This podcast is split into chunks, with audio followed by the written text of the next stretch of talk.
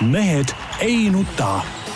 selle eest, et mehed ei nutaks, kannab hoolt Unibet, mängijatelt mängijatele. Tere päevast, Mehed ei nuta on eetris täpselt nii, nagu kord ja kohus ette näeb, teisipäeviti kell üksteist.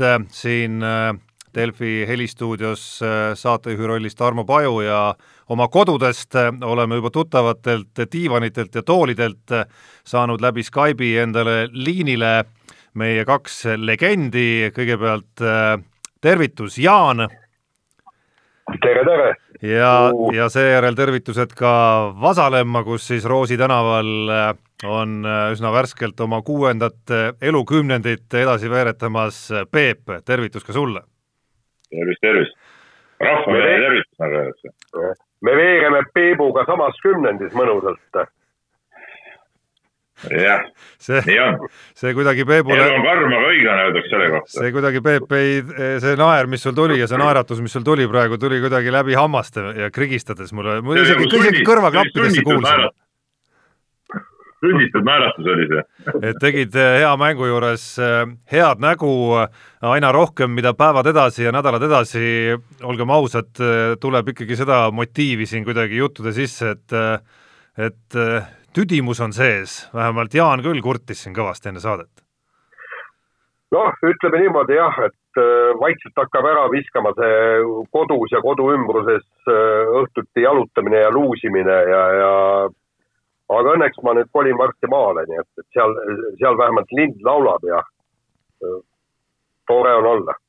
no Jaan, aga sa rääkisid, et sa käisid kogu aeg nagu nii-öelda kodu ümbruses jalutamas ja luusimas, et mis see teistmoodi on? Ei no jaa, aga enne ma käisin vähemalt tööl, seal ma sain äh,, mingi action toimus seal, sinuga vaielda näiteks. aga nüüd me ei, viimasel ajal polegi nagu mingit lahingut pidanud. Pole pidanud jah, ma ütlen, kuidagi nagu selles suhtes on küll lahja, sellest ma tunnen küll puudus, et õnneks ma täna hommikusel koosolekul sain natuke paugutada, Tarmo, sa sealt puudusid aga ma sain nagu, nagu natuke nagu õiget maailmavaadet jälle ka meie, meie teistele toimetuse juhtidele nagu lasta ja, ja, ja ja niisugust nagu õiget teooriat nagu rääkida, aga ei muidu jah, on selles suhtes on küll lahja, et siin üksinda kodus kellegagi eriti vaielda ei ole, mitte üksinda kodus, vaid noh, oma perega küll kodus, aga no mis sa ikka vaidled nendega, et siin siin on nii on. elus on selles ja mõttes, äh, selles mõttes asjad ikka hästi paigas, et äh, kõigepealt paistab Peebule see jumalik valgus sealt äh, läbi akna, mis talle praegu peale, peale paistab ja siis loomulikult ei jäta ta seda valgust jagamata ka kõikide teistega, kes tema tee peale siis ette satuvad üksteis, ükskõik millises küsimuses, aga see jutt, Jaan, mille sa välja tõid, on tegelikult üks hästi huvitav äh, aspekt minu arust selle kodukontorite juures, et ühest küljest äh, on justkui tervele maakerale ja, ja tegelikult ka meie toimetuse vaatevinklis hästi ära tõestatud, et, et, et tööd saab täitsa okeilt teha niimoodi. Äh, aga, aga teisest küljest jah, mida aeg edasi, seda rohkem hakkab tulema välja ka see aspekt, et et see nii-öelda kontoris käimise ainus funktsioon ei ole ikkagi see, et tööasjad tehtud saaks, vaid kogu see sotsiaalne pool ja ja nii-öelda inimkontaktide pool, et see, selle ärakukkumine on tegelikult äh, nagu päris valus, mõnel inimesel rohkem, mõnel vähem, eks see sõltub natukene ka sellest, kas kas inimene elab võib-olla üksi või, või, või on tal rohkem perekonda näiteks no minu kõige suurem probleem on see, et, et ma olen eluaeg lahterdanud äh, äh, nii-öelda äh, vaba aja ja töö ja, ja ma käisin isegi omal ajal, kui ma siin Postimehe kõrval ju elasin ja siis, kui ma teinekord äh, oli vaja laupäeviti näiteks mingit haltuurat teha, siis ma ei teinud seda mitte kodus, vaid ma marssisin Postimehe kontorisse, tegin seal töö ära. et minu jaoks on see, et tööl tehakse tööd ja kui sa koju tuled, siis võtad väikse õlle ja pärast seda on sul vaba aeg. aga nüüd on kõik nüüd äh, sedavõrd sassi läinud, et, äh, et äh, noh, ausalt öeldes jah, hakkab pikapeale vaimule, et, et ma ei suuda kuidagi lahutada neid kahte asja minu arust on natuke selles suhtes teistpidi, et kuna nii kaua on juba oldud, eks ole, nüüd on nagu mingi, mis see on siis, neljas nädal hakkab või?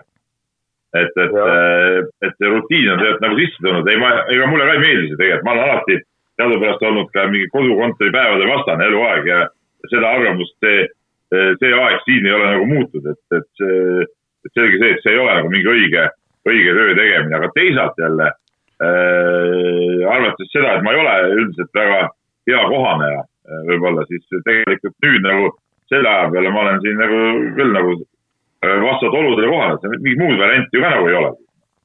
ma ei ole nõus praegu, nagu sinna toimetusse eh, tuleme sinna igast eh, linnapurvedega, kes eh, haigusi levitavad seal koos ühes ruumis olema. ei. no ma pean ütlema, et kõige raskem kui seda raskuseks saab nimetada, on olnud isegi mitte see igapäevane töö kodusel režiimil, aga aga kõige raskemad hetked on võib-olla olnud hoopis need, kus telekat klõpsides satud TV Play kanalile ja eriti keeruline on siis, kui satud mõne korvpalliülekande peale, mida mõnel varasemal aastal oled ise kommenteerinud, et siis tuleb selline nostalgiapuhang just nagu peale, et, et huvitav, millal nüüd seda armastust siis jälle kuidagi kuidagi saab äh, praktiseerida, tõsi, sellega seoses pean kohe saatma Kalev Kruusile tänusõnad, kes kes tegelikult pingutab päris kõvasti palehigis, et äh, mingit vana kulda üles otsida äh, nendelt koostööpartneritelt, kellega koostöölepingud olemas on ja selle raames saan ma isegi reede õhtul teha väikese comeback'i ja, ja see saab olema üks päris erakordne mäng, üheksakümne seitsmenda aasta NBA kohtumine, kus Martin Müürsepp viskas oma NBA rekordiks jäänud kakskümmend neli punkti, nii et Dallas Mavericks ja Los Angeles Clippersi mäng üheksakümne seitsmendast aastast on kusagilt äh, tolmukihi alt välja, välja otsitud ja Martin Müürsepp peaks ka ise tulema seda kaaskommenteerima. selle me kiidame muidugi heaks, et need vanad äh, kullad on, on äh, väga head vaadata, aga tegelikult ma olen ka sinuga, Tarmo, sellega nõus, et vaata, kuna minu tööpäev kestis ka alati nii, et töö kontoris ja siis läksin äh, trenni andma, et, et see on nagu küll nagu tuntav, et okei okay,, kas kontoris või siin, aga lõppkokkuvõttes teeb kompuutris ikka nagu enam samu asju, onju. aga, aga just see spordisaali mineku pool on nüüd nagu puudu ja see on, sellega on tõesti väga raske harjuda. et noh, seal said ikka tead poistele hagu anda ja, ja piitsa plaksutada ja nüüd pole see kuskil seda plaksutada ega, ega, ega anda. Et, et kuidagi see, see pool on nagu väga puudu jah, pluss siis need, need mängud, et ikka pagan need hooaja otsustatud mängud jäid tegemata, see on nagu, see on nagu see valus värk ja aga ütleme niimoodi, et, et seda vana kulda, mida telekasse paisatakse, et seda on vähe ja see, väga vähe on seda, mis nagu eestlastele on äh, oluline. Või siis teine, teine võimalus, et, et seda väga vana kulda ei ole eriti palju. Ja ma tegin siin, äh, äkki oli see laupäeval, ma tegin täiesti, täiesti tunniajase nostalgia õhtu, äh, täiesti spontaanselt. telekast räägiti, et kuidas need muusikud mängisid seda Boolerat et eh, igaüks oli oma kodus ja millal siis need pillid eh, nagu sisse tulid ja, ja kõik ja siis lasti ka seda poolerut. ja selle peale mul ju tuli kohe pähe, eks, Thorvilli ja Deani legendaarne poolera ja, ja ma otsisin selle klipi muidugi arvutist ülesse. Oli tõesti võimas, ikka sa vaatad, kui põhimõtteliselt olümpiamängude jäätants algab, kommentaator ütleb, et nelja ja pool, neid, neid Tiini ja Tornvilli lahutab neli ja pool minutit olümpiavõidus. et oli enne juba teada, et nad kindlalt selle võidavad ja, ja see kava oli võimas. ja siis ma muidugi läksin, vaatasin seitsmekümne teise aasta äh, Kanada ja Nõukogude Liidu äh, vahelise seeria viimase, viimase mängu viimase perioodi ära ja sealt siis läksin veel edasi ja ei, see oli päris äge. kas teil ei kostnud praegu see, mis ma lasin enda arvutist? ei. Äh, kahju, ma mõtlesin, et see kostub teile ka, nii et minu kõrvaklapidesse tuli mul oli parajasti lahti, vaata Jaan rääkis, ma võtan korraks tagasi ja vaatan, kas see teoreetiliselt niimoodi toimib. ei toimi ei tule jah? no mis sa lasta tahad meile seal? ei tea, ei tea, gool! See on see MM-i otsustav ära, see oli mul hetk Youtube'is praegu lahti. Kovatšuk lisaajal pani Kanadale värava, ma olen seda siin ütleme selle perioodi jooksul vaadanud korduvalt, ma mõtlesin, et hääl äkki tuleb teile ka, kui ma lasin seda häälega, aga noh, ei tulnud. nii, aga mis iganes, mis iganes äh, kurtmisnooti siit meil natukene läbi käis, äh, et asjad perspektiivi panna, siis loomulikult äh, on see kõik tühi-tähi selle kõrval, mida hetkel peavad tegema meedikud üle maailma, Eesti sportlased tegid ka, osalesid ka ühel väikesel aktsioonil eile, kus siis avaldasid tänu ja tunnustust kõikidele meedikutele, kes noh, nii-öelda eesliini eesliinil, ma veel ütleks, mitte lihtsalt eesliinil, näevad vaeva, et, et kuidagi see maailmasüsteem meil üldse ja, ja meil on et meil, et meil see süsteem püsti püsiks.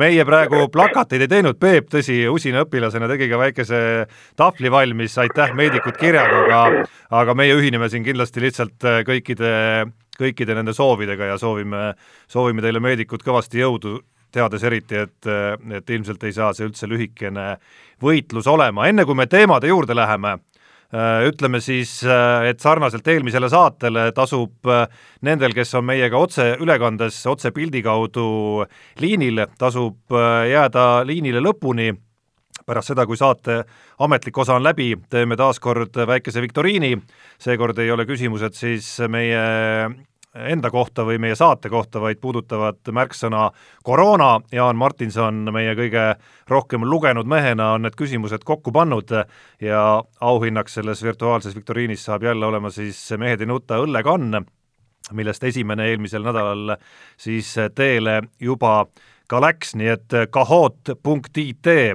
on see aadress, mis võite endale juba valmis panna, kahte ekraani on vaja, ühte, et jälgida meie otseülekannet ja teist, et siis vastata küsimustele, aga läheme meie saate teemade juurde ja esimene neist puudutab Eesti Olümpiakomitee presidendivalimisi ja seda, et äh, eile saabus siis otsus, et virtuaalsete valimistega jändama ei hakata, et mitte vaime välja kutsuda, selline oli siis otse tsitaat. Ja need vaimud peamiselt äh, saan ma õigesti aru, puudutavad seda juriidika poolt eelkõige, ehk, ehk et ei tekiks mingisuguseid võimalusi kellelgi hakata pärast rääkima, et et siin ei olnud üldse ette nähtud sellist äh, süsteemi, sellist korda, põhikiri näeb ette nii ja, ja nii ja, ja nii ja nii ja nii edasi.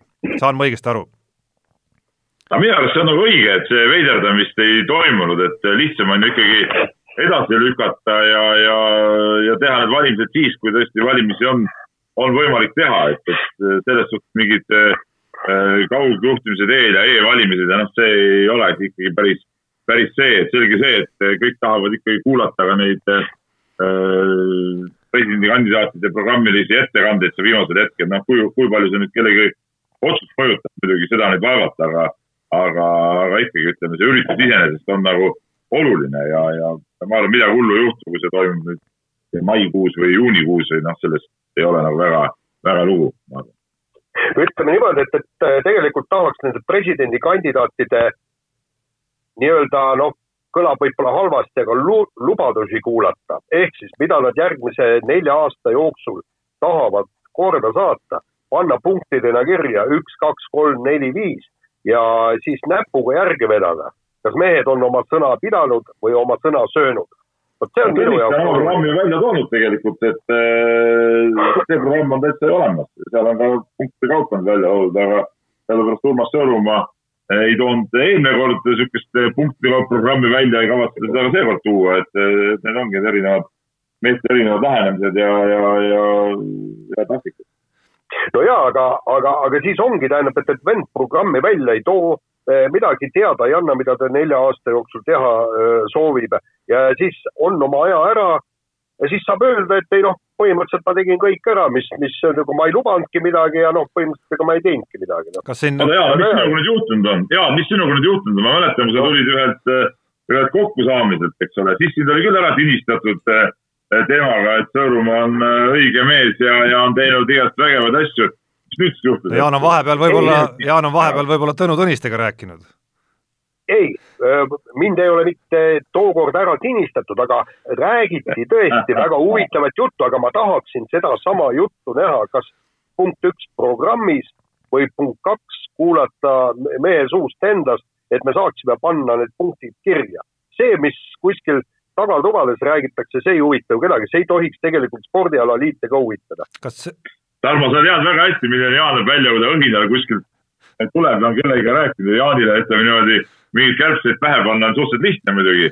ja, ja no ise kujutan ette, kui ta tuli sinna ja, ja siis mingi pool tundi lihtsalt äh, vatras, kuidas, kuidas on tehtud asju jube hästi ja ägedalt ja et, et viis, viis pluss punkti sellele mehele, ma tean, kellega Jaan kohtus, et sellele mehele, kellega ta kohtus, et väga hästi, väga hästi oli tehtud Jaan jäi kohe, Jaan jäi kohe vait selle peale, ma ei, päästan Jaan su plindrist, Jaan, ma päästan su plindrist praegu, viin lihtsalt selle teema korra edasi, et mis puudutab seda fakti ja edasilükkamist iseenesest, siis kas pole nagu loomulik ka see, et et mis platvorme ja, ja mis debatte sa praegu pead, et virtuaalselt muidugi on võimalik neid kõiki teha, aga aga ma mõtlen ka nagu sisulise poole pealt, et väga vähe on ju üldse elualasid praegu, et kui äh, ükskõik, sa paned ükskõik mis uudiste-saate või päevakajalise saate praegu sisse, siis äh, noh, pole vist teemat, ilm mingil määral võib-olla on mingi teema, millest saab rääkida, ilma et see koroona teema ja eriolukord maailmas kuidagi ei sekkuks sellesse arutellu, kuigi ka seal tuleb see sisse, sest ilusast ilmast on vähe kasu, kui kui kõiki väliseid tegevusi teha ei saa. ehk siis äh, mida ma öelda tahan, on see, et ka, ka see debatt ja see, see plaanide osa sõltub ju päris palju ikkagi sellest, mismoodi see kriis laheneb. et võib-olla tasuks siiski mingisugune selgus ära oodata selles osas ja siis hakata neid äh, mõtteid äh, üksteise võidu ikkagi presenteerima alles? no selles suhtes ma olen Urmas Sõõrumaaga nõus, et tegelikult äh, debatt kui selline sellel ametikohal on täiesti mõttetu, see on sama mõttetu kui Eesti Vabariigi presidendivalimiste debatt. sest et kellele seda debatti peetakse, tavainimesed ju ei mõjuta seda hääletamist kopita ööski, ei mõjuta ei Eesti presidendivalimistel ega ka EOK presidendivalimistel, et valivad ikkagi need äh, pisut rohkem kui sada EOK liiget. no nende ees nagu debati pidamine tegelikult ei anna mitte midagi, et seal need hääled võetakse ära teistmoodi, et selles suhtes jah, debatt on nagu huvitav, ütleme meile, ajakirjanikele võib-olla kui spordihuvilistele, aga reaalseid tulemusi see tegelikult ei mõjuta. selles on asja point. et selles suhtes äh, Urmas Sõõrumaa on selle väga hästi ära tabanud, et see... debatid nagu peaks, peaks olema, et lihtsalt nagu, nagu huvi tekkida ja, ja ütleme, et neid neid teemasid nagu tõstatada ja rääkida, sellest ma olen muidugi nõus, loomulikult see debatt peab olema, aga, aga sisulist eh, mingit rolli sellel ei ole. jah, aga seal on veel teine küsimus ju ka, et ega tegelikult EOK president ei suudagi eriti paljusid asju mõjutada. ainukene asi, mis ta saab, on minna tõesti kultuuriministeeriumilt rohkem raha välja pumbata, sest lõppkokkuvõttes maksab ju selle kogu selle värgi kinni ikkagi mitte EOK president, vaid äh, Kultuuriministeerium. ja teine, teine jah, Tarmo, sul oli väga õige tähelepanek, ega me ju ei tea äh, kahe kuu pärast, millises seisus meie sport on. Äh, kui palju on klubisid pankrotti läinud, milleks meil üldse tegelikult raha, kuidas, kas me peame hakkama seda Eesti sporti äh, uuesti üles ehitama või siis aitab natukene lappimisest siit, siitpoolt ja sealtpoolt. eks me, meil tuleb seda teemat saates hiljem ka juttu, aga, aga, aga praegu ei tea ju tegelikult õigupoolest keegi, äh, mida see koroonaviirus spordile endaga kaasa toob. Äh, küsimus siiski üks veel selle teemaga seonduvalt, et, et siin on nende allkirjade kogumise tuules joonistunud jõuvahekorrad kuidagi väga selgelt välja Urmas Sõõrumaa ja Tõnu Tõniste vahel, kuigi Tõniste arvates need allkirjad üksi veel ei, ei tähenda midagi, raske on seda lõpuni uskuda, kui kui see vahe ikkagi nii suur on. et küsimus, kas edasilükkamine, nii nagu Magnus Kirti soosib olümpiamängude edasilükkamine, kas edasilükkamine võib kuidagi äkki Tõnu Tõnistele anda mingit aega juurde, kuidagimoodi seda kaalukaussi muuta?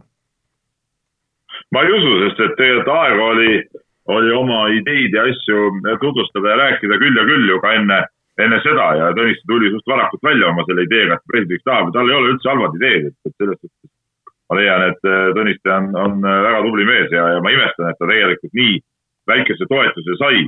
aga no ikkagi äh, ütleme äh, Sõõrumaal siis ütleme valitseva presidendina või istuva presidendina oli võib-olla ikkagi natuke lihtsam neid äh, allkirju välja meelitada ja, ja, ja, ja ütleme, tema stiil on just see, kuidas ma ütlen, ta oskab nagu inimesi äh, mõjutada ja, ja, ja nendel valimistel on just nende üksikute inimeste või alaliitude mõjutamine on, on väga oluline, just nende väikeste alaliitude, nende mõjutamine.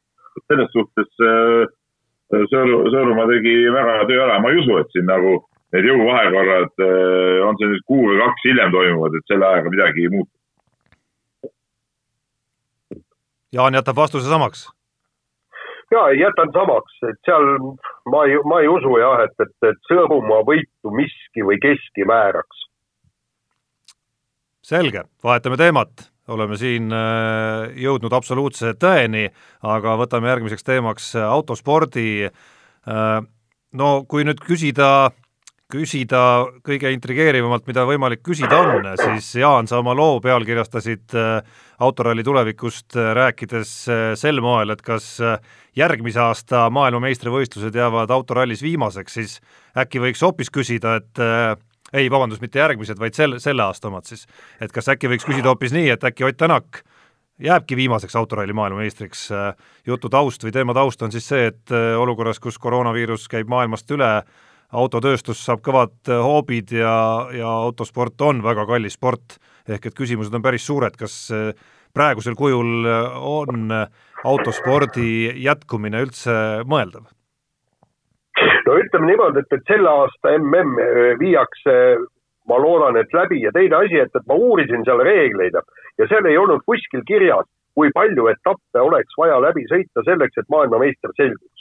Seal oli väga täpselt kirjas, mitu protsenti on igal etapil vaja äh, kilometraažist läbida selleks, et saada pooled punktid, veerand punktid, äh, punkte jagata, kõik, kõik, aga, aga see, äh, kuidas see maailmameister selgub, sellest eriti palju kirjas ei olnud. aga mis ma nüüd räägin sellest ralli tulevikust ja, ja autospordi tulevikust üldse lugesin täna hommikul just ühte artiklit, see oli vist äkki Postimees kirjutas, ähm, äh, kus, kus kirjeldati, kuivõrd sügavas mõõnas juba praegu on kogu autotööstus.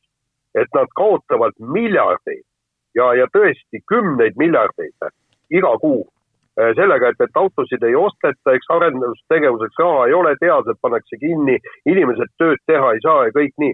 et kui selle pealt hakata nüüd mõtlema, et et lõpeb see koroona, autotööstused on kõvas miinuses. kas öö, vormel üks isegi on hädas, öeldakse, et, et kui nad ei tee olulisi kärpeid, võib neli meeskonda lahkuda. no põhimõtteliselt see tapab vormel ühe ära. kas, kas on mingisugust võimalust, et ralli jätkuks samal moel, et ehk siis me teeme neid uusi kalleid autosid ja, ja hakkame sõitma neliteist etappi, millest pooled on väljaspool iialgi ei usu, mitte iial. No tegelikult ju see äh, küsimus on ka teistpidi, siin alles hiljuti äh, tõstati see küsimus, et kas autorallis äh, see, et Ott Tänak tuli Toyota Yarisega maailmameistriks, tõstis Yarise äh, müüki kuidagi, eks ole. noh, kindlasti mitte. Noh. et, et eks see küsimus ongi tead, et palju see autoralli mm ega vormeli mm äh, nüüd äh, tegelikult autotööstusele reaalselt äh, kaasa aitab, et, et noh, ma ei usu, et nüüd et vormel ühe pärast nüüd Ferraride ja McLarenite äh, läbimüük nüüd hirmsasti, hirmsasti tõuseb.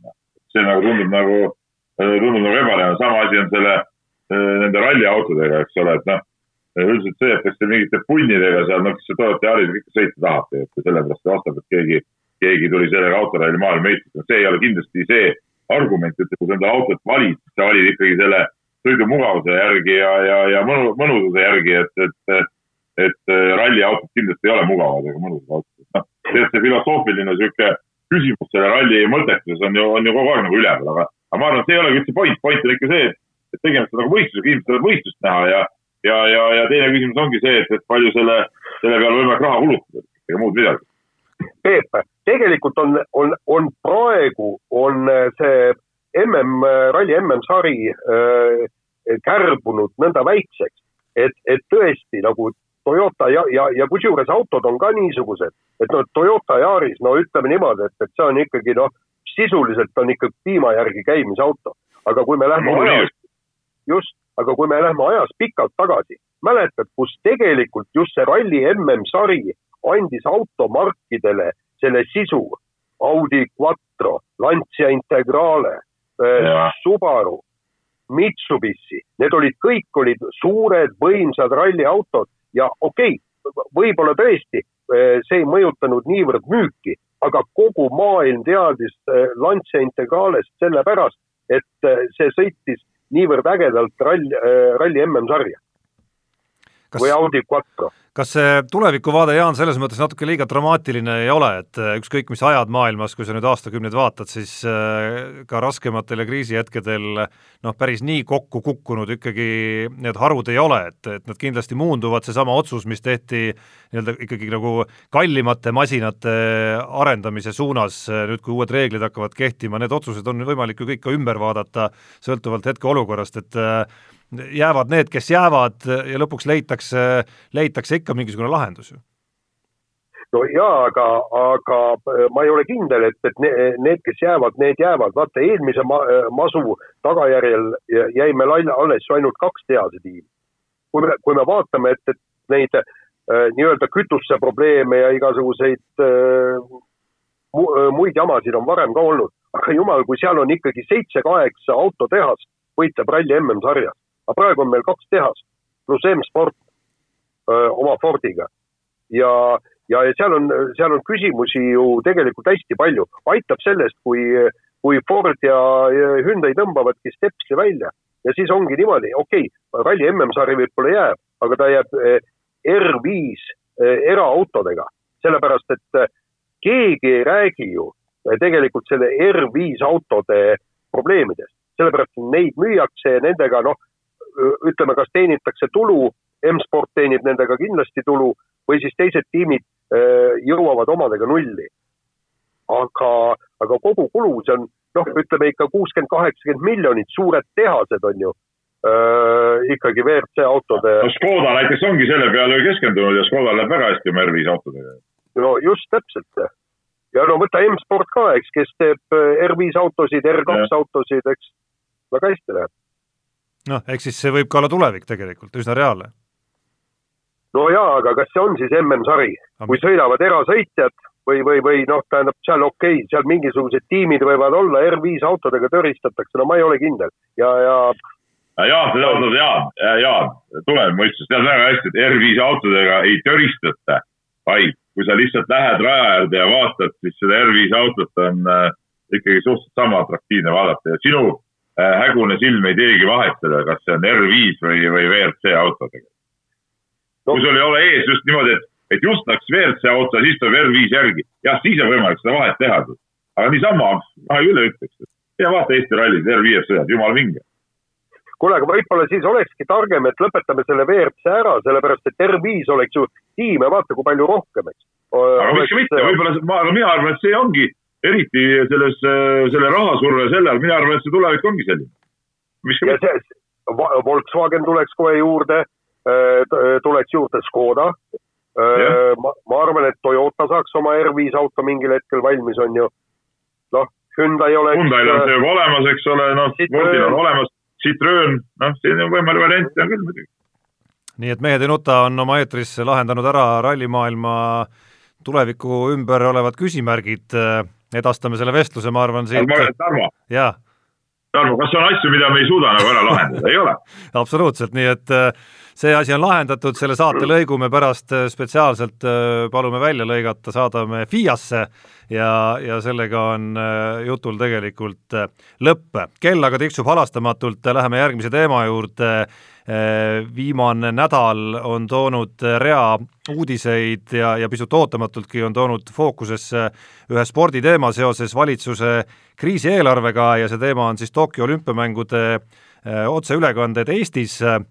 Algas see siis sellest, et et esmalt äh, tuli välja info, et äh, kriisieelarvesse on plaanitud ka Rahvusringhäälingule viissada tuhat eurot selleks, et äh, osta ära olümpiamängude näitamisõigused Postimees Grupilt, see nii-öelda kirgede möll selle uudise ümber on käinud terve ringi põhimõtteliselt täis kuni täna hommikuni, kus äh, Postimees ise on teatanud, et nad ei kavatse ka ERR-ile tegelikult neid olümpiamängude õigusi müüa, nii et mõnes mõttes on nagu jutul lõpp, aga kindlasti teistpidi jälle juttu jätkub meil kõvasti. siin on nagu selge, mina olen oma arvamuse välja öelnud, mina olen kommentaari kirjutanud ja ma olen, äh, Tarmo, sinuga natuke sellel teemal vaielnud. Siin on nagu klaar, eks ole, et, et Eestis äh, suudab olümpiamänge normaalselt kajastada ainult ERR ütleme kogu austuses äh, Marko Kaljuveri ja selle äh, Kanal kahe pundi vastu, kes tegid seda taliolümpiat. noh, olgem ausad, tegelikult see on ikkagi sihuke, kuidas ma ütlen, nagu põlve otsas nikerdamine, et kolme-nelja mehega olümpiat teha, see ei ole nagu päris see, et, tegelikult selleks on tarvis suurt masinavärki, suurt tiimi, suuri võimalusi, pluss see peab olema täiesti vaba levis, mida Kanal kaks, eks ole, olümpia siis tal eelmine aasta olümpiaid veel ei olnud, sealt teatud inimesed jäid ju ülekanneteta, et äh, ja veel see, et olümpiamängud on ikkagi, ütleme, kuidas ma ütlen, inimkonna üks tähtsamaid äh, sündmusi. Äh, ja, ja, ja sellised asjad ja mis tekitavad ka, ütleme, kõik meie rahvusele on see oluline edasi. kõik siuksed olulised sündmused peaksidki olema Rahvusringhäälingus, Riigitelevisioonis maksimaalse kajastusega et siin ei olegi nagu eriti midagi minu arust nagu arutada ega vaielda, see, et, need kunagi need olümpiamängud üldse läksid erakanalisse, et kunagi TV3 hakkas seal noh, oma, oma suure kontserni kaudu neid, eh, seda teemat nagu solkima ja, ja üksikuid alasid võtma, et, et Kanal kaks ehk Eesti Meedia omal ajal suurte rahakottidega tuli ja ostis need õigused ära nüüd kaheks viimaseks olümpiaks. See kõik on üks suur jama ja viga ja seda poleks tohtinud lasta üldse juhtuda.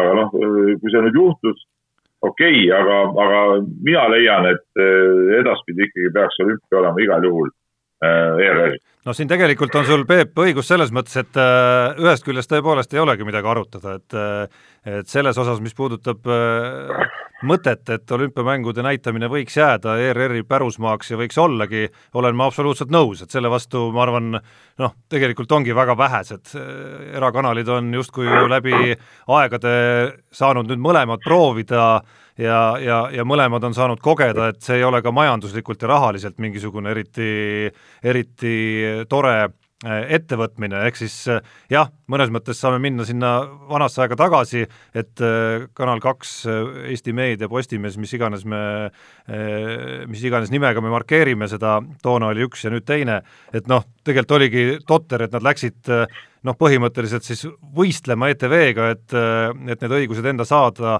ja endale saada ja, ja noh, loomulikult said nad seda tänu sellele, et nad pakkusid lihtsalt rohkem, kui kui ERR toona pakkus. et selle vastu ei ole ju mingit vaidlust, küsimus, mille, mis kirgi küttis ja, ja minu arust on ka loomulik, et kirgi küttis, Äh, ja isegi on ka loomulik, et meie kui äh, nii-öelda turuosalised äh, ennast ka puudutatuna tundsime sellest, on, on eelkõige see, et mis oli sellel rahaeraldusel praegu nagu kriisiga pistmist ja ja see küsimus on minu arust tagantjärele veel aktuaalsem selles mõttes, kui sa loed nüüd tänast uudist ja ma võtan mütsi maha tegelikult Postimehe otsustajate ees, et nad täna hommikul selle sõnumiga välja tulid, et, et neil ei ole plaani seda müüa, mis tagantjärele viis päeva minnes ajas Äh, teeb ka selgeks selle, et olümpiamängude näitamine polegi vahepeal ohus olnud, mis omakorda teeb väga imelikuks selle, miks üldse Kultuuriministeerium ja ERR pidasid vajalikuks seda liini üldse ajama hakata. et see argument on ju tegelikult tänase Postimehe jutuga ju otseselt maas. siin on mitu, mitu, oota, oota Jaan, siin on mitu nüanssi muidugi, ega Äh, Postimees võis selle jutuga välja tulla, aga nüüd, kui nad nägid, millised on, on, on reaktsioonid ja asjad, et seda, seda me ei tea nagu kunagi. teine asi on see, et sa ütlesid kirgikütta, noh, tegelikult see kirg küttis kõige rohkem meie oma äh, ringkonnas, ega me ei saa öelda, et see oli mingi üldrahvalik äh, blamaaž, eks ole, et, et, et mis nüüd, mis nüüd juhtus. ja kolmandaks on see, et äh, Jaan, sina võid seda kohtumist kirjeldada, kus see, kus see olümpia ERR-i tuleku mõte ka suht idanema hakkas, sina käisid seal kohtumisel, äh, kus äh, spordiajakirjanikud tõstsid selle, selle teema üles ja, ja minister, ütleme, sealt äh, võis ka selle mõtte tegelikult saada. Jah, just ma tahtsingi öelda, et, et millal siis veel, kas kriis või mitte kriis, millal sa veel neid olümpiamänge äh, saaksid tuua äh, ETV-sse tagasi, nüüd, kus need on äh, aasta aega edasi lükatud, nüüd sa ei saa ju enne hakata kauplema Postimehega, kui sul ei ole raha ette näidata. ja, ja sellepärast minu meelest minister tegi väga, väga hea käigu, sest idee on ju üllas. idee ei ole mitte see, et, et me äh, kuidagi hakkame Postimeest ja äh, ravimiärimeest päästma, vaid idee on selles, et tuua need olümpiamängud äh, ETV ekraanile ja, ja sinna, kuhu nad kuuluvad sinna, kuhu nad kuuluvad. Ja, ja, ja just oligi huvitav, et, et Kultuuriministeeriumis äh, oli ministriga kohtumine ja spordiajakirjanikud kõik tõstsid selle küsimuse öö, äh, üles. et tähendab, temale anti muidugi vihje selleks, et no keegi ei mõelnud tol hetkel veel sellele, et, et olümpiamängud võid, võidaks edasi lükata, kõik oli selge, Postimees näitab neid olümpiamänge, ministrile öeldi, oled, oled mees või ei ole järgmised olümpiamängud peavad olema ETV ekraanil.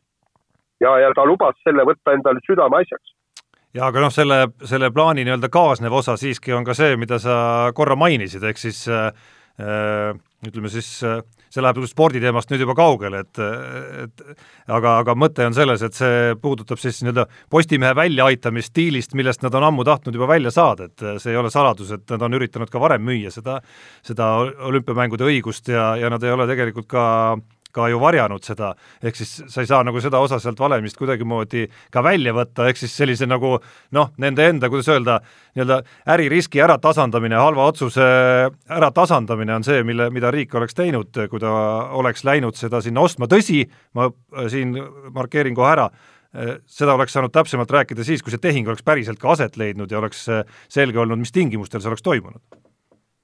Tarmo. jaa, ma ütlen, ma ütlen veel kord, et see ei ole nii, see ei ole üldse jah, ma saan aru, et siin ütleme, me oleme konkureeriv ettevõte ja, ja meil võib siin olla kibestumine hinges, aga kokkuvõttes arvestades selle idee nagu, mis oleks olnud idee tulemus nagu, siis, eh, siis see on nagu kõige ebaolulisem detail üldse selle asja juures.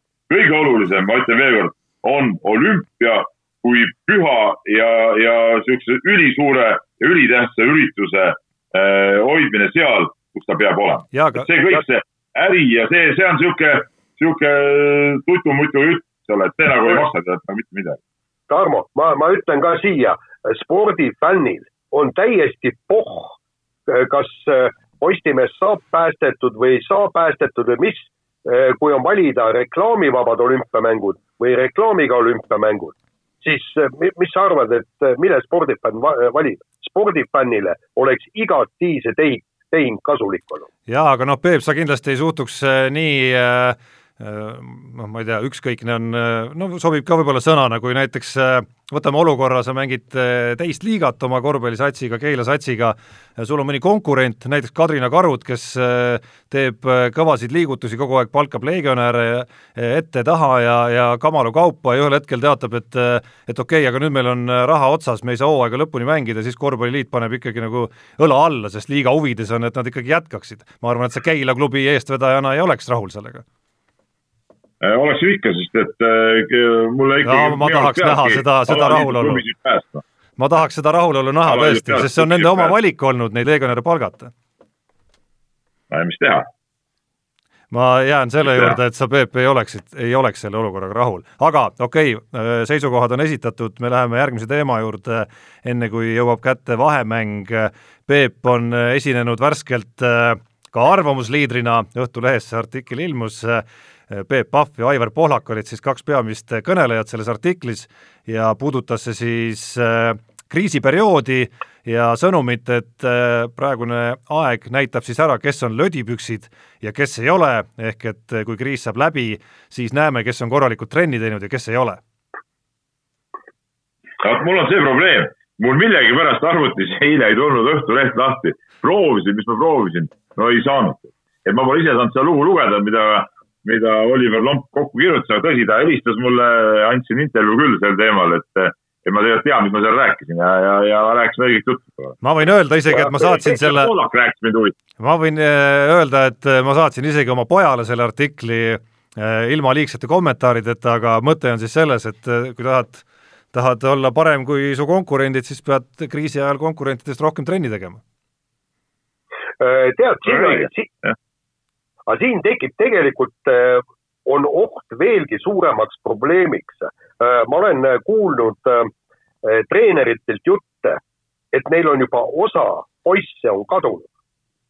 ehk siis saadad treeningplaanid, ei ole sul mingit tagasisidet ja tegelikult on hirm, et kui, kui ükstapuha jalgpalliklubis, korvpalliklubis on, satsis on kakskümmend, kolmkümmend poissi, kui paljud pärast seda kriisi sul trenni tagasi tulevad vot see on tegelikult veelgi suurem kriis, sellepärast et jube mugav on ju kodus vedeleda, istuda, teha võib-olla muid asju, äkki hakkab üks kitarri mängima.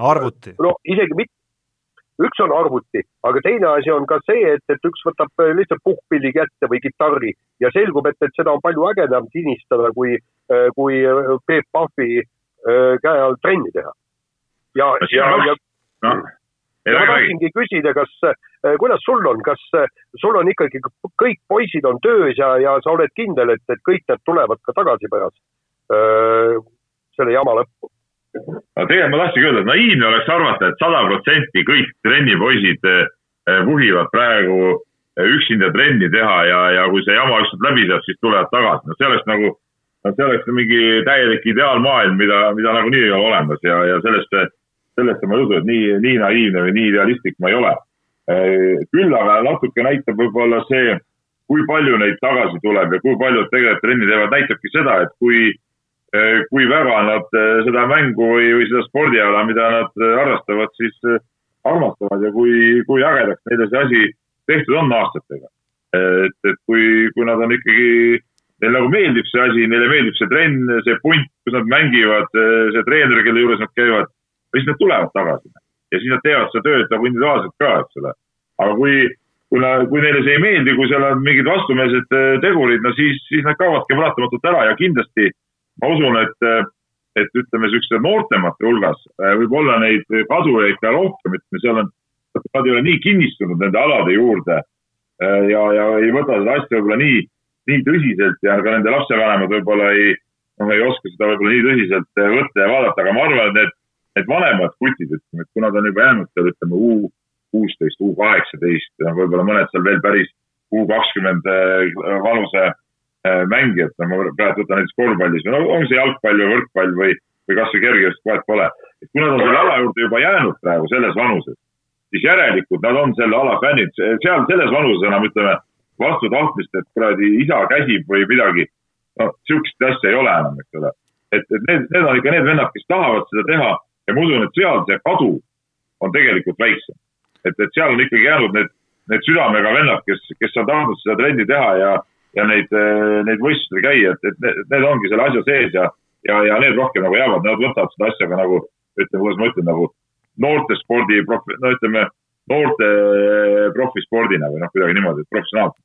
See on, see on üks äh, tähelepanek või jutusuund minu arust, mida on minu arust üldse tänapäeva ma ei tea, kas see on õige öelda tänapäeva, aga, aga tänapäeval eriti just, et siin käib igasugune lumehelbekeste jutt ja kõik see, kõik see kuidagi, et nad on teistmoodi ja huvisid on, huvid on muutunud, et aga, aga üks asi ja püsivust on vähem ja, ja neid asju, mis neile ei meeldi, noh, Peep, sul on endalgi näiteid, kuidas sul on justkui värsked alluvad ära kadunud päevapealt lihtsalt töö juurest aastate jooksul. aga üks asi, mis hakkab silma, vähemalt kõrvalt vaadates nooremat põlvkonda, on see, et kui nad leiavad selle asja, mis neile meeldib, siis nad teevad seda võib-olla isegi nagu vägevama kirega, kui, kui, kui ütleme, mingi eelmine põlvkond, kes võib-olla ainult kohusetundest natukene püsis mingite harjumuste või mingi töö juures.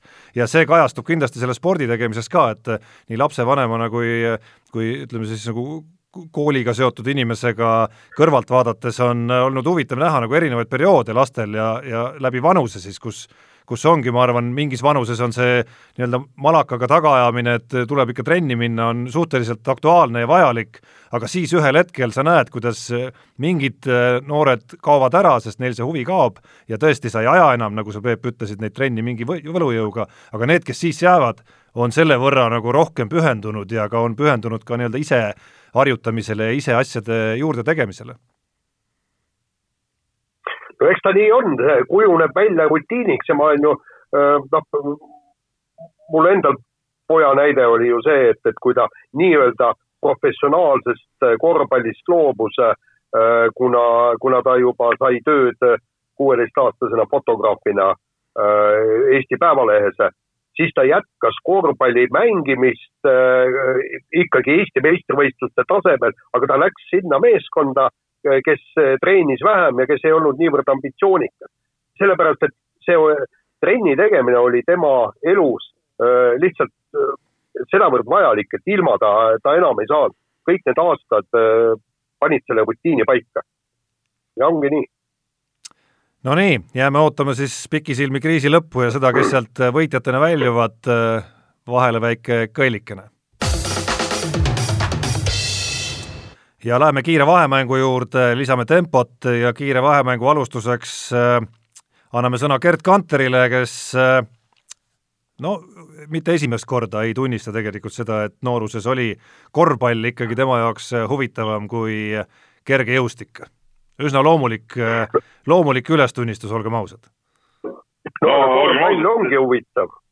korvpall ongi huvitav. väga tuim, väga tuim ja, ja sihuke üksinda nühitada ringi seal, no ma olen ka elus päris palju ketast leidnud, et noh, ei ta on nagu äge, aga, aga ütleme, emotsionaalsuse poolest ta muidugi pallimängule vastu ei saa, nagu ütleme niimoodi, et, et minu meelest eh, inimesel peab olema vaim selline, et ta eh, seda nii-öelda üksikut rutiini taluks. Või siis teine võimalus on see, et, et ta peab nagu öö, arenema öö, selleks, et hakata seda rutiini taluma, aga poisikesena on palju ägedam muidugi palli korvi visata. lihtne vahetame teemat, rikkad on hädas, Inglise jalgpalliliiga peab telekompaniidele maksma miljard eurot trahvi, kui hooaeg jääb pooleli, sestap plaaniti viimane ots mängida Hiinas. UEFA proovib vägisi meistrite liigat lõpetada, lugesin ka eile õhtul BBC-st natukene neid arenguid ja variante, mis neil on, et summad on ikkagi noh, täiesti kolossaalsed, mis seal ühelt ja teiselt poolt on üleval ja ja selge on see, et seal kui vähegi mingi variant leitakse, need pooleliolevad hooajad lõpuni mängida, siis ilmselgelt seda alustuseks ka tühjade tribüünide ees tegema hakatakse. See ongi see telemaailma niisugune pealetung või, või, või telemaailma terror natuke spordile ongi, mis, mis lööb ka siin välja. et kas need telekanalid tõesti ei saa nagu aru praegusest olukorrast või, või, nagu vaevalt, ma nagu hästi ei saa nagu aru, et jälle see äriline pool nagu nagu tapab seda spordis, sest tegelikult mõte on mingisugusel, ma ei tea, näiteks Inglise liiga, kui seda mängitakse Hiinas või no mis point sellel nagu oleks tegelikult, sisuline. jaa, jaa, aga me räägime just nendest überrikastest spordialadest, kes on ühtäkki probleemidesse äh, sattunud. ma kujutan ette, et, et noh, et siin need nii-öelda väiksed alad, need elavad kuidagi asjad üle. noh, võib-olla kergejõustik, no ma ei tea, eriti veel vehklemine, maadlus ja kõik need need, sellepärast et neil ei ole neid telest nii suuri sissetulekuid ja punkt kaks, et nad ei pea ka maksma üübermiljonites palka oma mängijatele. et see on, kõik on see ülirikaste äri, eks ju.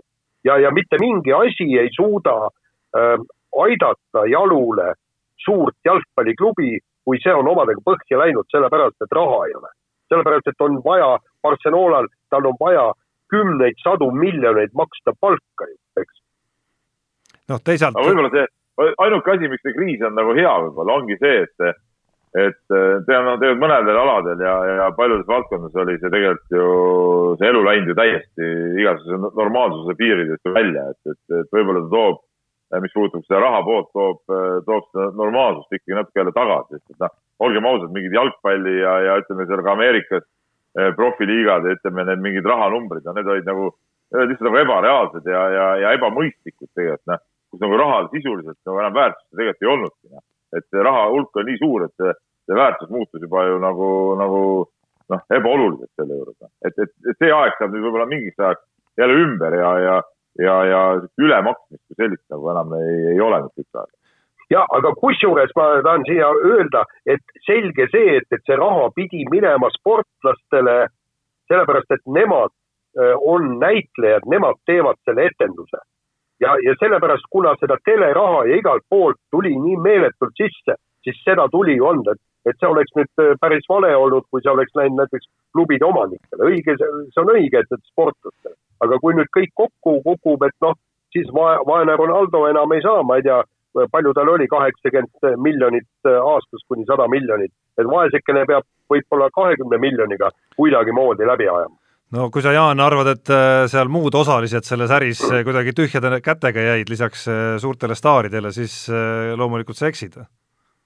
ei, ei, nad ei jäänud tühjade kätega, aga, aga see oleks olnud vale, kui nemad oleks teeninud veelgi suuremaid miljoneid ja miljardeid.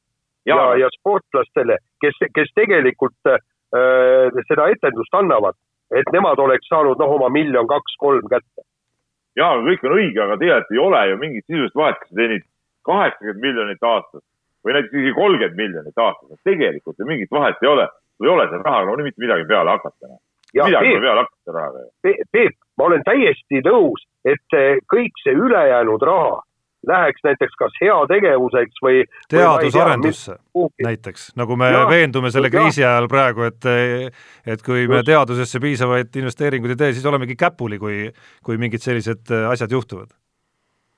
jaa, ei absoluutselt, et siis ma oleksin nõus, aga ma ei oleks kindlasti nõus äh, sellega, et, et need klubi omanikud äh, teeniksid iga aasta miljard või kaks. aga mis, aga mis seda algset, mis seda algset teemat veel korraks puudutab, ma nii palju ütlen, et hommikul äh, sattusin lugema ka NBA uudiseid korraks ja sealgi käis nüüd läbi äh, välk mõte, et nad on seal selliste ütleme siis kiirkoroonatestide ootuses, mis oleksid piisavalt äh, ütleme siis, nende, nende nii-öelda tõepärasus oleks piisavalt tõendatud, mis lubaks võib-olla tekitada siis noh, a la kuskile mingisuguse linnaku, kuhu koguda meeskonnad kokku, tekitada olukord, kus selleks, et et mängijad pääseks mängima, peavad nad äh, enne kodust väljumist või saali astudes äh, oma kiirtesti ära andma, viieteistkümne minutiga on selge, kas nad on, äh, põevad viirust või, või ei põe viirust või on haigestunud või ei ole, ja, ja kui asjad on kontrolli all, siis on võimalik ikkagi mingil moel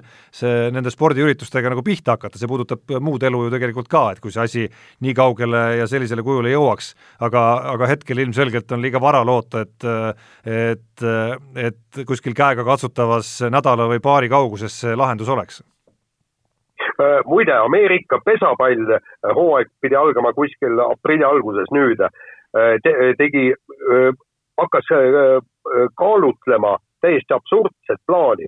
kõik kolmkümmend meeskonda tuua kokku Arizonasesse, kus on paljude klubide, seal on kümme korralikku väljakut ja klubide treeningbaasid, panna kõik mängijad, kõik kohtunikud, kõik treenerid kogu see punt karantiini ja, ja hakata siis mängima seal äh, siis tšempionaati ainult Arizonas no, ja ilma publikuta. miks mitte? No see on nüüd totter ju, jaa, äh, jaa. ei no kui on valida, kui on valida, kas äh, mitte midagi või see, ma, ma leiaks küll, et see oleks kasulik kõikidele tegelikult, kui nad ikkagi hakkaksid niimoodi tegema jaa, aga seal on niivõrd palju probleeme, äh, et, et ma ei usu, et, et see kõik äh, toi-, toime, toimima hakkaks, see korda läheks, paraku. nii, vahetame teemat, maailma omaaegne parim kergejõustiklane Daley Thompson on, äh, on pihtinud siis, et tema juhendas ainult tööloomasid, kellest üks oli siis Erki Nool ja, ja selle artikli käigus Erki Nool rääkis ühtlasi ka loo, kuidas Daley Thompson omal ajal Marko Kaljuveri puu taha saatis? no Daley Thompson äh, äh,, huvitav, kui ta nagu oli spordimees, noh siis nagu ütleme, siin ei olnud nagu, kuidas ma ütlen, nagu nii nagu teada, et ta sihuke nii, nii kõva kivi on, nagu sealt nendest lugudest nüüd välja on tulnud. et, et äh, kõva spordimees küll jaa, aga ütleme ei, ja ei pannud mina neid äh, omal ajal ka seda särki nagu niimoodi tähele, ma nagu ei mäletanud küll seda et me, ma sel ajal, kui ta sporti tegi, et ta oleks käinud seal äh, selle särgiga, mis tal oli see Carl Lewis'e kohta tehtud. ja noh, kui ta oleks, kui ma oleks seda tähele pannud, siis ma oleks seda vihanud nagu, nagu elu lõpuni, sest Carl Lewis oli mu üks lapse, no mitte lapsepõlve, vaid noorpõlve siukseid lemmiksportlasi, et, et, et äh, aga ei noh, vägev vend muidugi. et, et väga huvitav lugu oli noor reporter poolt kokku pandud jah, äh, ja aga äh, Peep, probleem oli selles, et toona ei olnud sotsiaalmeediat oleks sotsiaalmeedia olnud, oleks neid särgipilte. väga hea, on olnud, Jaan. muidugi oli, muidugi oli hea. tahadki ära kaotada, väga okei okay oleks. aga, aga seal oli, ja, aga seal oli teine punkt oli ikkagi see, et noh, kui palju on sportlasi, kes tahavad, et, et neil see piits sedavõrd räigelt üle turja käiks, nagu Erki Nool seal rääkis, et see on ikka päris hullud treeningud, mis ta tegi et äh, noh, ütleme, sa pead ikka olema tõesti mees, et kõike seda vastu pidada. tulemus oli olümpiavõit. no just. vahetame teemat, aga jääme kergejõustiku juurde. Äh, odaviskaja Toomas Rööler ja ka meie enda kergejõustikujuht Erich Teigamägi on siis võitlemas selle nimel, et äh, suurvõistlustel meesodaviskajatele või võidelda välja samasugused tingimused, nagu on naisodaviskajatel, ehk siis mõte on selles, et et kvalifikatsioon ja lõppvõistlus ei toimuks järjestikel päevadel ja selles vaidluses kõva trumpkaardina on siis kasutusel Magnus Kirdi viimane vigastus, mis siis juhtus just nimelt ka kahel järjestikusel päeval oda visates. Kusjuures pärast seda, kui ma selle artikli kirjutasin, kahjuks keegi osapooltest nagu ei rääkinud ka ühte huvitavat fakti, et selle aasta Äh, Pariisi EM-i ajakavas oli jällegi meeste odavise järjestikustel päevadel, aga siis äh, teatud ringkonnad helistasid äh, kalendri koostajatele või selle võistlusprogrammi koostajatele ja suudeti ära asi korraldada, kuigi jällegi meestel on üks päev vahet, naistel on kaks päeva vahet, aga vähemalt asi seegi, et, et huvitav, et nad, keegi ei mõtle nagu sellele, et, et odaviskajatel on tegelikult vaja seda kä kätt säästa ja teine asi on ju see, küsimus pole see, et, et kirdid katki lähevad. küsimus on ju selles, et vaadake neid tulemusi, tulemused ei ole nii eh, säravad ja värvikad kui äh, üle päeva visates oda. No see on loogiline, sellest on varem ka räägitud, et odameeste käele niisugune võistlemine on, on väga kurnav, et, et noh, mingi mõistuse hääl pidi ükskord lihtsalt võitma, see on, see on ka selge. Aga kiire vahemängu lõpetuseks äh, naaseme koroona juurde, nimelt Kaunase Žalgirise korvpalliklubi müüb oma veebipoes klubi logoga näomaske, viis eurot äh, üks tükk. Äh, ja küsimus, kes Eesti klubidest või sportlastest võiks sama teha, no esimene mõte on mille peaks pärast saadet kohe edastama meie enda inimestele võib-olla, et ma arvan, et mehed ei nuta, mask sobiks ju väga hästi, millega ringi käia Äh, ma Tarmo tegelikult täna koosolekul tegin juba ettepaneku selle uudise valguses, noh, Delfi, küll Delfi nimega, et, et võiks ka välja anda seda. et, et jumala, jumala okei okay oleks. no mehed ei nuta, mehed ei nuta. mehed ei nuta. nutavad ka ära, aga ma ütlen, et, et, et mis siin see, mis see maski tegemine ei ole midagi keerulist, me kõik oleme käinud tsiviilkaitsetunnis, eks ole, kus omal ajal tuli neid vatimarde maske teha kogu aeg, siis ei ole midagi keerulist. üks kiht marlit, kiht vatti kiht marlid peale, õmbled ära need eh, paelakesed siit eh, külge ja asi korras. milles, milles küsimus on tead, noh. milles küsimus on tead? ei, ma ei näe siin mingit probleemi. ja võid peale ka tikkida sinna siis, ma ei tea, oma nime, puha mis asjad. Need inimesed, tehke, tehke. Te olete kodus, midagi teha pole, tehke maski endale. sul on juba tehtud või? Mina ei käi ju väljas, ma olen sulle öelnud, ma pole kordagi poes käinud selle aja jooksul, mitte kordagi. sa saadad oma abikaasa ambrasuurile või? ei, on, on, on muid võimalusi. noh.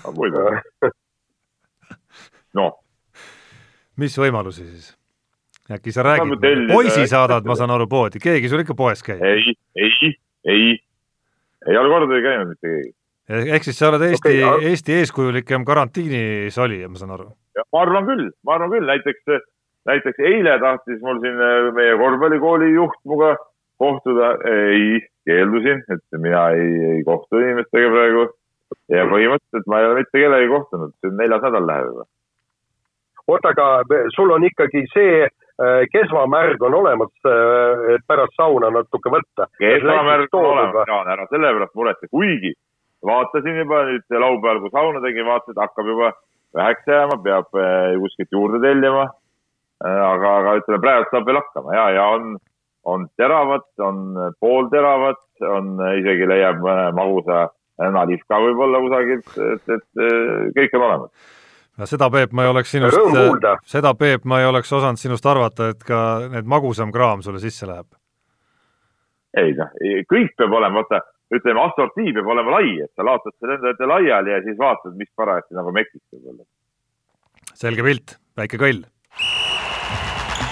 Unibetis saab tasuta vaadata aastas enam kui viiekümne tuhande mängu otseülekannet. seda isegi mobiilis ja tahvelarvutis. Unibet, mängijatelt mängijatele. kusjuures Jaan, enne kui ma ennetan su teist saadet järjest kõlanud küsimust, äh, otseülekanded Unibetis on täiesti alles, äh, näiteks e-spordi omad, aga enne kui me e-spordi juurde läheme, Äh, siin Unibeti rubriigis on meil teha ikkagi ajalooline teadaanne, kriis on toonud välja äh, Peebu juures nii mõnedki täiesti uskumatud küljed ja tahud, osadest neist oleme me saate jooksul saanud kuulda ka juba ja sellest muutusest, mis on, mis on Peebu sees toimunud, kas või suhtumises koroonaviirusesse viimase kahe kuu jooksul, aga Peep on teinud ka oma aasta esimese ennustuse äh, ja tulemus on nüüd see, et meil on vahetunud liider, ehk siis Peep sellel liidrikohal enam ei ole ja selle, selle aasta ennustuse liidri kohta on nüüd äh, hoidmas äh, pidulikult äh, Jaan, aga Peep siis mõtles, et läks ja otsustab selle asja ikkagi siin ühe ropsuga ära ja läks siis Valgevene jalgpalli ekspertiisi demonstreerima. kuidas läks, Peep, räägi kõigile. Kõigepealt ma ütlen, Tarmo, mitte ma ei ole muutnud oma suhtumist viirusesse, ma ütlesin juba ammu, kui sa mäletad koosolekul, piirid kinni, see oli ammu enne, naersid seal kõik suure suuga, ahahah. lõpuks läks ikka nii, nagu ma ütlen, nii nagu alati läheb tegelikult nii, nagu mina ütlen. lõpuks läheb, nii, aga see sellest. aga nüüd ennustuse juurde, jah, mõtlesin, et, et teen siis selle triki ära, et eh, valisin neljase kombo, neljase kombo ja seal oli veel võimalik, eh, panin kõikide soosikuste peale loomulikult pluss siis seal andi seal võimaluse äh, nagu mingi lisakoefitsiendiga nagu veel, et seal tuli päris suur summa, panin kakskümmend viis eurot mängu. aga noh, tutkid pratt, et kaks võistkonda vedasid alt, et noh, et siis neljast on kaks läks pihta. et sina põhimõtteliselt panid õigesti, aga nemad ei mänginud. Nemad ei mänginud õigesti, noh, et ma ei tea, kas neil oli seal mingid kokkuleppemängud, vot see on see Valgevene värk, no see oli, peab äh, Patjale saatma mingi kirja, et uuriks, kuidas saab olla nii, et soosikud ühes voorus kaks soosikut kaotavad, kuidas see võimalik on? Väga kahtlane tõesti. väga kahtlane. Äh, kui rääkida uutest ennustustest, siis ma vaatasin välja Unibetist, Peep, täpselt sinu jaoks järgmise panuse. see on nagu loodud sulle, sest see, see puudutab su hingekeeli nagu täpselt õigete kohtade pealt ja see puudutab e-sporti see puudutab taaskord meie head tuttavat Ropsi, kes hakkab siin kriisi ajal saama meil juba iga saate külaliseks ja kuula nüüd, Peep, seda eripanust, seda eripanust, mis on võimalik panna, nimelt äh, on seal äh, täna õhtul äh, Ropsi sats Mausports kohtumas sellise võistkonnaga nagu issand, ma ei tea, kuidas seda hääldatakse, Natus Vincere, see selleks, ja ja see Vincere nimeline meeskond on seal kerge soosik selles kohtumises, jutt käib siis Counter-Strike äh, mängust, aga see eripanus, Peep, ja see on sulle loodud tõesti, usu mind, see puudutab nüüd seda, Ropsi ehk siis meie Jõgeva poisi Robin Kooli tapmiste koguarv, kas üle kahekümne koma viie või, või alla kahekümne koma viie tähendab, äh, Unibeti inimesed, kui te praegu kuulate saadet ja kuulate, tähendab, ma põhimõtteliselt ma ütlen, et, et äh, te peate selle panuse ära võtma, et see on nagu, see on lihtsalt ropp, see on lihtsalt ropp, kui te panete niisuguse asja peale e-sport, need tapmismängud, et tuleks ära keelata. Nende mängude loojad tuleks vangi aheldada, eks ole, mitmekümneks aastaks ja need, kes seda kõike promovad. sina, Tarmo, praegu selle üleskutsega promosid seda, sul oleks tarvis mingi karistus eh, nagu välja mõelda ja, ja nii, et no see on, see on lihtsalt, see on käsitamatu ainuke, mis e-sport on nagu aktsepteeritav, on need pallimängud, FIFA-d, UEFA-d, eh, NBA-d, eks ole, autorallid, eh, sellest ma saan aru veel, see on nagu kuidagi aktsepteeritav. aga see mingi see rops tuleks, kurat, meil on praegu põllul töölisi vaja, tead, mine hakka seal tead kive tõstma ja, ja, ja rassima seal, tead, mitte ära mängi siukseid mänge. ja muide, eile AK-s ju otsiti lüpsjat, sul on ju. mees ütles, et ma tahan, tahaks Äh, Tarmo, sa lähed pärast, töö läheb edasi, et äh, tahaks lugu lugeda sellest, sai oma lüpse või ei saanud või? kus kõik need, just ma vaatasin üks päev järgi, meil siiamaani on need ametikoolid, kus äh, õpetatakse lüpsjateks, mehhanisaatoriteks, kõik need asjad. aga kus need inimesed on kõik siis, ma ei saa aru. Ja, ja kusjuures ma siin ütlen, et Ropsil äh, arvutiklappide klõbistamiseks peaks näpud tugevad olema. väga hea on ju lüpsta, nisa tõmmata jala peal tundeliselt tõmmata, kui kõvasti tõmbad, jääb kinni kohe ja jah, ei no aga Rops on ju tundelised näpud, temast saaks hea lüpsja, ma arvan. Äh, ma võin teile öelda, et äh, Ropsil erinevalt äh, kas või meist, rääkimata mingitest muudest elualadest, ei ole hetkel tegevuse puudust, sest temal võistlused kõik jätkuvad ja ma usun, et kriisi lõpetuseks olen ma saanud ikkagi no vähemalt üheteist ka nii kaugele, et et siin selle Ropsi ja, ja e-spordi mahategemise asemel äh, hakkab, hakkab üksteist ikkagi rääkima, kui kõva see kui kõva see e-spordi värk ikkagi on, mina igatahes äh, kavatsen ühe väikese hasartpanuse minna ja ära panna ja, ja Jaanilt seda liidri kohta jahtima hakata, ma enne, ma tunnen paari inimest, kes oskavad mulle vihjeid ka anda, kas tasub panna alla või, või üle panust selle konkreetse panuse osas, aga Peep, läheme siis edasi kirjade juurde. ja kell on, kell, kell on muidugi kaksteist null kolm. Jaa, aga ma ei räägi sinuga nädal aega, kui sa selle panuse teed, Tarmo, arvesta sellega. see on puhas rööv muidugi, see, see, see oleks ju täitsa hea, hea, hea variant. ahah, oleks, okei, okei. nii Äh, kirju on palju, osad kirjad muidugi me oleme siin läbi, ma arvan, me ei hakka seda ERR-i ja seda teemat uuesti võtma, mis on mitmes kirjas ka, ka läbi käinud, me arutame selle ära. Äh, siin on ka natuke ralli teemat, äh, kuigi Georg Soone näiteks kirjutab sedasi, et Jaan, vaata, sa ütlesid, et see rallide arv ei ole teada, aga Georg Soone kirjutab niimoodi, meie vana kirjasaatja, et minu arust oli Olav Suuder see, kes ütles, et tiitli väljajagamist peab olema sõidetud seitse rallit. nii olevat öelnud ka FIA. Aa, võib-olla küll, aga ma, ma tõesti ei leidnud seda reeglites, võib-olla see kuskil äh, kirjas on, aga ma tegelikult uurisin ka äh, rules ja regulations seal ja aga, aga ei leidnud paraku. Äh,. Aga see okei okay,, see selleks, aga Georgil on, on kirjas nagu teine pool ka ja see on nagu iseenesest nagu isegi huvitav tähelepanek, et, et mõelge, kui Jaani artiklis kirjutada lähebki täide, siis Kalle Rompera ei saa midagi tagasi, raha sisse investeeriti kõvasti, aga jah, et teistel praegustel tippsõitjatel on kindlasti omajagu raha äh, vähemalt nagu kokku teenitud, et, et aga Romperal ei, et temasse on kõvasti investeeritud, aga ta ei ole jõudnud mitte midagi tagasi tootma hakata, kui, kui seda sarja nagu enam polegi no jaa, aga õnneks on tema mänedžer Timo Johki kõikide teiste sõitjate pealt endale ja ka muuga nii suure varanduse kokku kraapinud, et, et noh, ütleme niimoodi, et see tema rahakotilt tolmu küll lahti ei löö. nii, Kalle Kaljula, jälle meie vana kirjasaatja ja muidu tore mees. Kalle, ma usun, et sinu jalgrattahooaeg on ka juba avatud, näiteks mina olen juba rattaga mitu korda sõitnud. et pane, pane mõni pilt kuskil, mul ei ole praegu silma hakanud Äh, küsib äh, või kirjutab sellist asja, et tere mehed, et spordiuudiste rubriik on muutunud päris naljakaks, jalgpallitähed korraldavad orgiaid ja äh, liiduvabariikide parim PEF on Viireri asemel hoopis Vitotsile ja nii edasi ja nii edasi, mis on ka arusaadav, kuna sporti lihtsalt ei tehta. aga kas poleks aeg hakata sporti süvitsi lahkama? et aastal kaks tuhat kakskümmend üks toimub eeldavasti kergejõustikus viis tiitlivõistlust, olümpia, sise ja välis EM ning sise ja välis MM. et mida näiteks meie kümnevõistlejad sellest kalendrist arvaksid? Et oleks põnev lugeda. no ma ütlen kohe ära, et ma ei usu elu sees, et kergejõustik, eh, kui alaliit laseb seda läbi, et eh, ühe aastaga toimub viis eh, tiitlivõistlust. no nii. nii, et mitte nagu arvata sellest. mina ei usu, et see niimoodi läheb. no jaa, aga, aga, aga. hajutad ära ju..., Tarmo, hajutad ära. kindlasti ei ole MM ja olümpia ühel aastal, ma ei usu seda elu sees.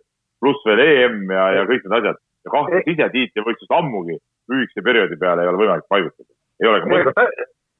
täna just lugesin, minu meelest oli küll, et, et kergejõustiku MM ikka plaanitakse, plaanitakse läbi viia ja, ja näiteks oota, mis, kuhu sa need hajutad, seal tuleb ju järgmine aasta kohe vastu ka. jalgpallis. midagi ära jätta, sellel ei ole mõtet ju, noh, sellel ei ole mitte mingit mõtet ja need tiitlid kaotavad oma igasuguse väärtusena no jaa, aga need, kes võistlusi on korraldanud, nad on sinna investeerinud, noh, kas, kasvõi logosid välja töötanud juba, tead, seal kõik organiseerimiskomiteed käivad. no siis kuskilt peab see raha ju neile tagasi makstama, kui, aga, aga raha ju ei ole, sest raha tuleb ju jällegi teleülekannet sest jalgpallis räägitakse ju isegi võimalustest, äh, kuidas äh, oletame, et äh, kogu see paus venib ja venib ja venib, et isegi järgmise aasta algul veel lõpetatakse selle aasta meistrivõistlusi selleks, et igal juhul saaks need ikkagi ära tehtud, et siis minna alles uute kallale. aga minu arust see on ka nagu totter, mis mõte sellel on, mis mõte sellel on? kõik need asjad, mingid nagu see korvpalli meistrite liiga, et kuskil septembris mängivad, kus on uued võistkonnad juba selleks ajaks kokku pandud, mis mõte sellel enam on? See hooaeg lõppes nüüd ära, saage aru, sest hooaeg lõppes ära praegu. kui ei saanud teha lõpuni, ei saanud. kui saab veel suvel teha, okei okay., aga sügisel juba, see on uus hooaeg juba, siis ei ole mõtet neid asju teha. Noh. see on nagu idiootlik kluubis. Noh. ja, aga raha on vaja ju telekompaniidelt kätte saada. ah, raha kogu aeg. no ongi vot.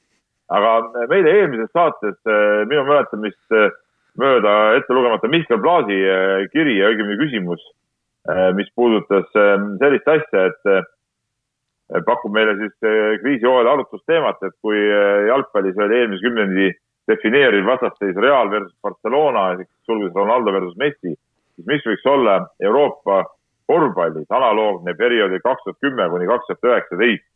et eh, olen nüüd ise Viiasa Sport Balticu pealt vaadanud neid eelmise kümnendi parimaid mänge ja mulle endale tundub, et selleks vastasseisuks võiks olla CSKA olümpiaakos, Theodosist versus Panulis et võitsid mõlemad mitu tiitlit, lisaks olid neil omavahelised mängud alati dramaatilised.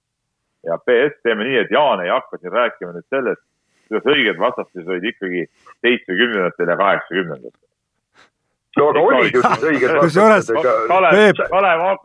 oli kusjuures nagu, nagu see põhimõtteline. kusjuures ma lasin meelega. Salgiris Kalev. ma lasin. ei, Salgiris AKSK, vaata liidukate finaalid kaheksakümnendatel. just. noh, see oli ju põhimõtteline küsimus. kusjuures ma lasin praegu, Jaan, oota nüüd, ma lasin meelega praegu, et kui Peep selle lause ütleb lõpuni, jätsin nagu pausi sisse, sest ma teadsin, et täpselt selles sõnastuses Jaan ei suudagi talitseda ennast, vaid ta ütlebki need kolm sõna, aga nii olidki ju.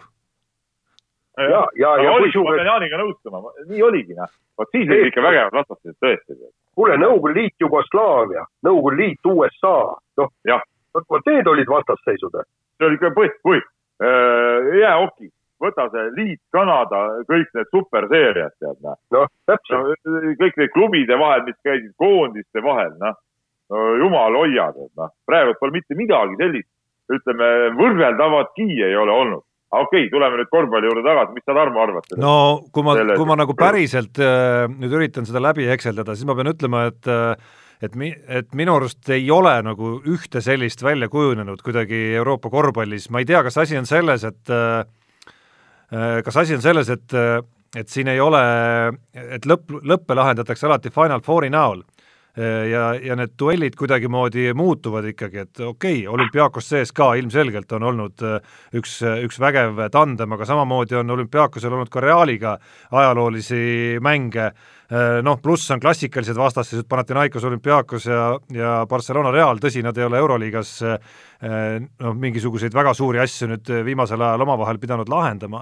et võib-olla seda rivaliteeti just mingite konkreetsete vahel oleks rohkem, kui me lõpuks saaksime ikkagi selle muutuse ka Euroliigas ära teha, kus äh, ka poolfinaale ja finaale mängitakse seeriatena, mitte, mitte Final Fourina.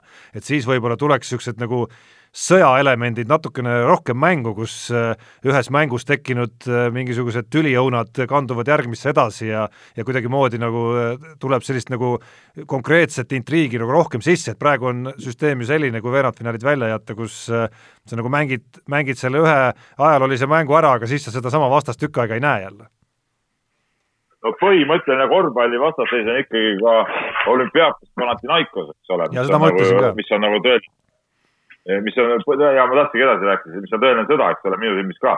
aga tegelikult, kui tõsiselt rääkida, see Žalgiris CSKA värk, ütleme venelaste jaoks veel, ma ei tea, palju Mihkel või, või te jälgite Vene spordiajakirjandust, aga, aga, aga eh, seal ikkagi alati, kui Žalgiris tuli mängima CSKA-ga, siis seda reklaamiti kuidagi nagu erilisena alati välja ja see oli nagu eriline vastasseis just selle ajaloo ajaloo pärast ka siin ütleme veel mõned, mõned aastad tagasi mulle jäid silma need siuksed artiklid. et, et nii, nii ta on, aga mis puudutab jah, seda CSKA olümpiaakose, siis ütleme kõik need, need dramaatilised hetked, mis seal on olnud äh, finaalides ja, ja, ja poolfinaalides ja asjades, et see on, see on vägev muidugi jah, midagi pole ütelda. aga ma ei tea, kell on päris palju, et Võtame... mängida ka, et võib võib-olla lähme, lähme siis, võtame asjad kokku ja lähme selle mängu juurde. võtame siis saate ametlikus otsas äh,, otsas nii-öelda joone ette, ehk et loeme saate lõppenuks, kõik, kes tahavad meiega väikest virtuaalset äh, viktoriini mängida koroona teemadel Jaan Martinsoni küsimustele, jääge otsepildis kõik liinile, minge kahoot.it aadressile ja olge seal valmis järgmisteks juhtnöörideks ja vaadake, et teil oleks siis kaks, äh, kaks ekraani või kaks internetibrauserit lahti, et seda kõike et seda kõike siis läbi teha, aga saate ametliku osa lõpetame siis ära koos äh, kõlliga ja lehvitame neile, kes, äh, kes äh, liinilt lahkuvad. mehed ei nuta. saate tõi sinuni Unibet, mängijatelt mängijatele